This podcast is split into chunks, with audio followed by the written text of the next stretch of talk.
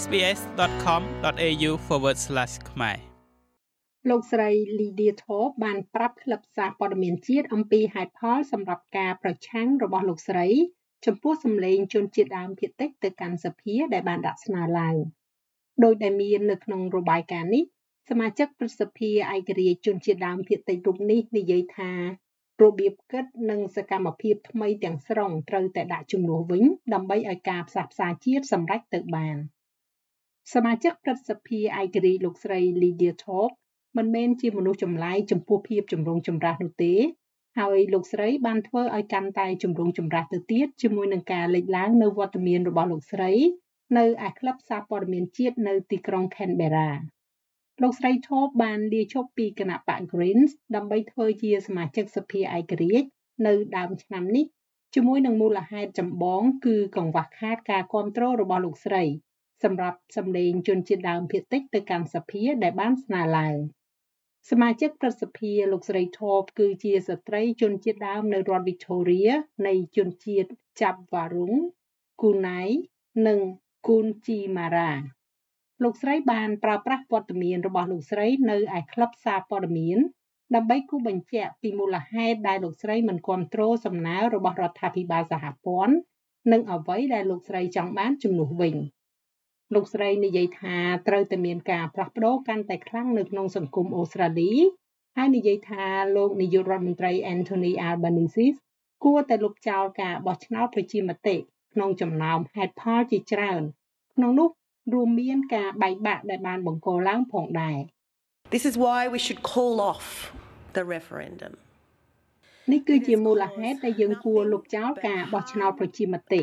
វាមិនបានបង្កឲ្យមានអ្វីក្រៅពីគ្រោះថ្នាក់នឹងការបែកបាក់នោះទេហើយដើម្បីអ្វីវានឹងមិនមានការផ្លាស់ប្ដូរទេរហូតដល់សង្គមនេះផ្លាស់ប្ដូររហូតដល់ការគិតគុណតម្លៃអកប្បកិរិយានិងប្រព័ន្ធរបស់សង្គមនេះត្រូវបានធ្វើបដិវត្តន៍ដើម្បីធានាបាននូវការសម្រេចចិត្តដោយខ្លួនឯងពិតប្រាកដ សមាជិកប្រសិទ្ធិលោកស្រីថូបនិយាយថាទោះបីជាលោកស្រីជំទាស់ទៅនឹងសំណើនេះក៏ដោយក៏លោកស្រីនឹងមិនធ្វើយុទ្ធនាការយ៉ាងសកម្មសម្រាប់ការបោះឆ្នោត No នោះទេ ហើយតាមពិតទៅនៅតែបើកចំហសម្រាប់ការចរចាជាមួយនឹងរដ្ឋាភិបាលដែលអាចទទួលបានការគ្រប់គ្រងពីលោកស្រីសម្រាប់សម្លេងទៅកាន់សភាឬក៏ Voice to Parliament នេះប៉ុន្តែសម្រាប់ពេលនេះលោកស្រីនិយាយថាសំណើរបស់ Voice to Parliament នេះ បានប្រមាថដល់ការស៊ើបការសម្ងាត់របស់ជនជាតិដើមអូស្ត្រាលី និងផ្ដល់ក្តីសង្ឃឹមមិនពិតដល់ជនជាតិដើមអូស្ត្រាលី It promises to finally fix the Aboriginal problem វាសន្យាថានឹងដោះស្រាយបញ្ហាជនជាតិដើមវាជាក្តីសង្ឃឹមមិនពិតព្រោះវាកំពុងតែបោកបញ្ឆោតមនុស្សឲ្យជឿយ៉ាងពិតប្រាកដថា ស្ថាប័នប្រឹក្សាដែលគ្មានអំណាចមួយនឹងការពារប្រទេសរបស់យើងនិងកន្លែងដ៏ពិសិដ្ឋរបស់យើងសង្គ្រោះជីវិតយើងទុកទារករបស់យើងនៅផ្ទះឬ The Voice គឺជាការស្លៀកពាក់បង្អួតសម្រាប់សម្រាប់ការទទួលស្គាល់រដ្ឋធម្មនុញ្ញយើងបានបដិសេធការទទួលស្គាល់រដ្ឋធម្មនុញ្ញពីមុនលោកស្រីថូបនិយាយថា Voice to Parliament ដែលបានស្នើឡើងនឹងជាស្ថាប័នប្រឹក្សាដែលមិនមានប្រសិទ្ធភាពមួយ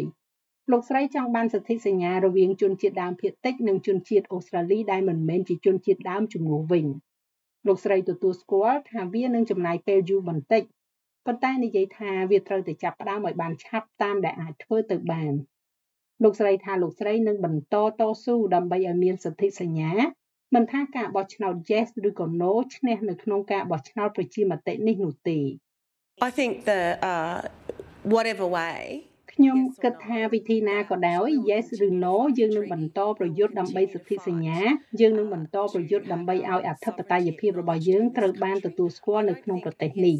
ខ្ញុំមិនគិតថាលទ្ធផល yes ឬក៏ no នឹងធ្វើឲ្យមានភាពខុសប្លែកគ្នាណាមួយនោះឡើយសមាជិកប្រសិទ្ធភាពរូបនេះនិយាយថាដើម្បីបញ្ចប់អាណានិគមក្នុងប្រទេសអូស្ត្រាលី ត្រូវតែមានការអនុវត្តអនុសាសន៍របស់រាជគណៈកម្មការទៅលើការស្លាប់របស់ជនជាតិដើមនៅក្នុងមន្ទីរឃុំឃាំងឆ្នាំ1991របាយការណ៍នាំពួកគេទៅផ្ទះវិញឆ្នាំ1997ទៅលើការដកកុមារជនជាតិដើមភាគតិចចេញពីក្រុមគ្រួសារដោយបង្ខំនិងសេចក្តីប្រកាសរបស់អង្គការសហប្រជាជាតិឆ្នាំ2007ស្តីអំពីសិទ្ធិជនជាតិដើមភាគតិច លោកស្រីថូបក៏និយាយផងដែរថាប្រជាជនអូស្ត្រាលីត្រូវតែមានឆន្ទៈក្នុងការប្រឈមមុខទៅនឹងការពិតដ៏លំបាកជាជាងការយល់ឃើញតាមមនោសញ្ចេតនានៃអធិបតេយ្យភាពជនជាតិដើមភាគតិចលោកស្រីថាលោកស្រីនៅតែជឿថាអូស្ត្រាលីជាប្រទេសប្រកាន់ពូជសាសន៍ហើយប្រតិកម្មចំពោះការប៉ុនប៉ងមុនមុននៅក្នុងការផ្សះផ្សាដូចជាការដើរឆ្លងកាត់ស្ពាន Sydney Harbour ដ៏ល្បីល្បាញនៅដើមសតវត្សនេះ ហើយបានបង្ហាញថាអូស្ត្រាលីកាន់តែប្រកាន់ពូជសាសន៍ខ្លាំងពេកមិនអាចឈានទៅមុខបាននៅឡើយទេ It is a racist country. នេះជាប្រទេសប្រកាន់ពូជសាសន៍មួយកាលពី20ឆ្នាំមុននៅក្នុងចលនាផ្សះផ្សាជាតិតាមពិតកាលពី22ឆ្នាំមុនខ្ញុំបានទៅទីនោះកាលនោះខ្ញុំមានផ្ទៃពោះជាមួយកូនម្នាក់ទៀតដើរកាត់ស្ពាននៅទីក្រុងស៊ីដនី